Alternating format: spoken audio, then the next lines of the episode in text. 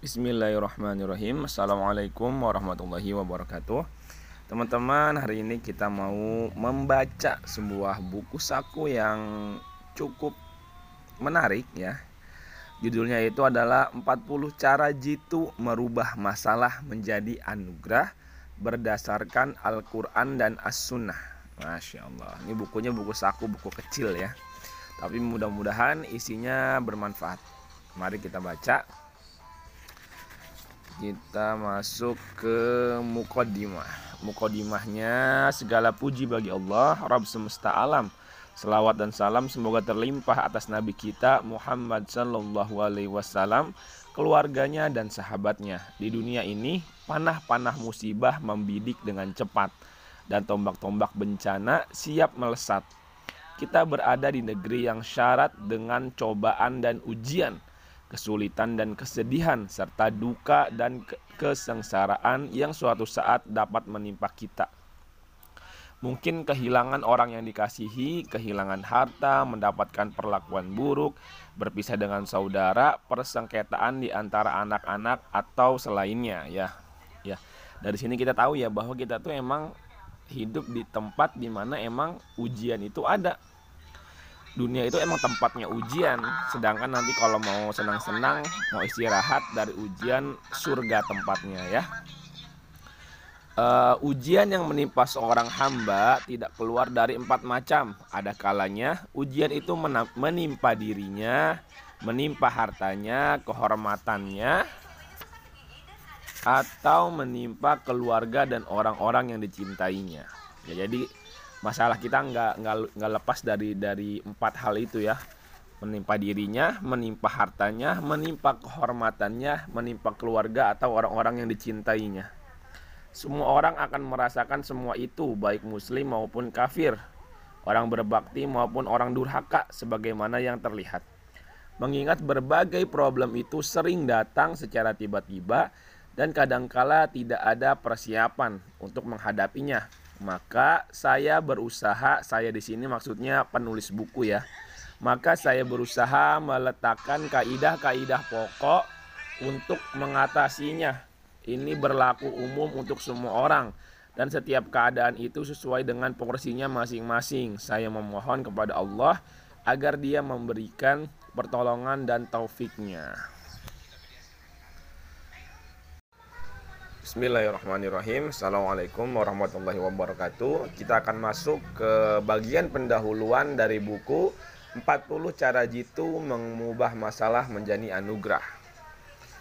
Di dunia ini setiap orang mencari kebahagiaan. Udah pasti ya Semuanya menuju kepadanya Menuju kepada kebahagiaan itu. Baik muslim maupun kafir ya semua orang mau dia orang Islam ataupun bukan orang Islam semuanya di dunia ini pasti mencari kebahagiaan. Baik orang muslim maupun orang kafir baik orang berbakti maupun orang durhaka orang baik ataupun orang jahat sebenarnya semuanya mencari kebahagiaan sih. Allah Ta'ala berfirman tentang orang-orang kafir dan kebahagiaan yang mereka cari. Ya, di dalam surat Al-Baqarah yang artinya dan mereka berkata hendaklah kalian menjadi penganut agama Yahudi atau Nasrani. Niscaya kalian mendapatkan petunjuk. Katakanlah tidak melainkan kami mengikuti agama Ibrahim yang lurus dan bukanlah dia Ibrahim dari golongan orang-orang yang musyrik. Mereka menyeru demikian karena mereka menyangka bahwa siapa yang mengikuti Yahudi dan Nasrani maka dia mendapatkan petunjuk. Maka dia mendapatkan petunjuk dan kebahagiaan Bahkan hewan-hewan pun mencari kebahagiaan. Jika kita terkena panas matahari pada siang hari yang terik, ia meninggalkan tempatnya yang mencari pohon atau dinding agar berbahagia dengan bernaung di bawahnya. Keadaan manusia di dunia ini sebagaimana yang Allah terangkan di dalam firman-Nya surat Al-Balad ayat keempat yang artinya sesungguhnya kami telah menciptakan manusia berada dalam susah payah Ibnu Kasir rahimahullah mengatakan manusia menghadapi kepahitan dunia dan kepahitan akhirat. Dalam satu riwayat disebutkan manusia menghadapi kesempitan dunia dan kesusahan akhirat. Ketika musibah datang, urusan pun menjadi gelap dan jalan menjadi sempit. Maka solusi permasalahan terkadang membutuhkan waktu, kerja keras, dan pikiran. Saya akan menyebutkan uh, maksudnya saya itu adalah penulis ya. Kalau saya kan cuma pembaca. Jadi maksud saya adalah maksud dari saya di sini adalah penulis. Saya akan menyebutkan sejumlah poin positif yang bisa membantu memecahkan permasalahan, meringankan musibah dan mungkin menuntaskannya. Namun jangan diduga bahwa siapa yang membaca poin-poin ini maka ia akan mendapati secara langsung solusi sempurna lagi lengkap yang akan bisa menuntaskan problemnya dalam sekejap. Jadi jangan mengira setelah baca solusi-solusi dari buku ini maka akan langsung bim salabim jadi bahagia gitu ya. Bahkan keadaan seperti bang bahkan keadaannya seperti bangunan besar yang retak atau runtuh dan kita semua berusaha untuk memperbaikinya, mengeluarkan siapa saja yang ada di dalamnya dan memelihara apa yang masih utuh, kemudian memulihkan bangunan dan seterusnya. Membangun itu tidak sama dengan meruntuhkan. Jadi perkara ini membutuhkan kerja keras, kesabaran dan nafas yang panjang hingga kita bisa menyelesaikan persoalan tersebut dengan seizin Allah Subhanahu wa taala ya. Jadi ketika seorang memiliki masalah, seolah-olah kehidupannya itu runtuh. Maka eh, kehidupan kita itu seperti sebuah bangunan. Kalau udah runtuh, eh, memperbaiki runtuhnya tuh cepet gitu ya. Kalau udah runtuh, runtuhnya cepet. Tapi memperbaikinya pastikan lama. Butuh tenaga, butuh biaya ekstra, butuh pemikiran ekstra. Tidak sama seperti meruntuhkannya, gampang, cepet, hancur gitu aja. Tapi ketika kita ingin memperbaikinya, kita ingin memperbaikinya menjadikan lebih baik, maka butuh usaha ekstra, butuh kesabaran, butuh uh, pemikiran yang matang gitu ya. Sama seperti solusi-solusi ini. Uh, solusi ini adalah bertujuan untuk uh, memperbaiki atau mengurangi keburukan-keburukan yang mungkin ada dalam kehidupan kita. Yang namanya memperbaiki nggak sama dengan menghancurkan. Pasti butuh kesabaran dalam menjalankan poin-poinnya, butuh uh, keseriusan di dalam mempraktekkan apa yang disampaikan di dalam buku ini ya. Kira-kira seperti itu pendahuluannya. Terima kasih. Wassalamualaikum warahmatullahi wabarakatuh. Kita akan lanjutkan dalam podcast yang berikutnya. Bismillahirrahmanirrahim. Assalamualaikum warahmatullahi wabarakatuh. Uh, kembali lagi dalam pembacaan buku saku 40 cara jitu merubah masalah menjadi anugerah. Ya, kita langsung masuk ke cara jitu yang pertama ya. Cara pertama adalah istirja ketika tertimpa musibah. Apa itu istirja? Ayo kita baca bersama-sama. Ketika musibah menimpa seseorang, maka solusi pertama untuk mengatasinya adalah istirja dengan mengucapkan inna lillahi wa inna ilaihi rajiun. Yang artinya sesungguhnya kami adalah milik Allah dan kepadanya kami kembali. Istirja merupakan adab nabawi yang agung. Ia dapat mendatangkan ketentraman dan ketenangan jiwa. Imam Muslim telah meriwayatkan dalam sahihnya dari hadis Ummu Salamah radhiyallahu anha ia berkata aku mendengar Nabi Shallallahu alaihi wasallam bersabda tidak seorang muslim pun yang tertimpa musibah. Lalu ia mengucapkan sebagaimana yang Allah Subhanahu wa taala perintahkan yaitu innalillahi wa inna ilaihi rajiun. Allahumma ajurni fi musibati wa akhlif li khairan minha. Yang artinya sesungguhnya kami kepunyaan Allah dan kepadanya kami kembali ya Allah berilah aku pahala atas musibah yang menimpaku dan berikan aku ganti yang lebih baik darinya Melainkan siapa yang membaca doa tadi pasti Allah memberi ganti untuknya dengan yang lebih baik darinya. Masya Allah ya.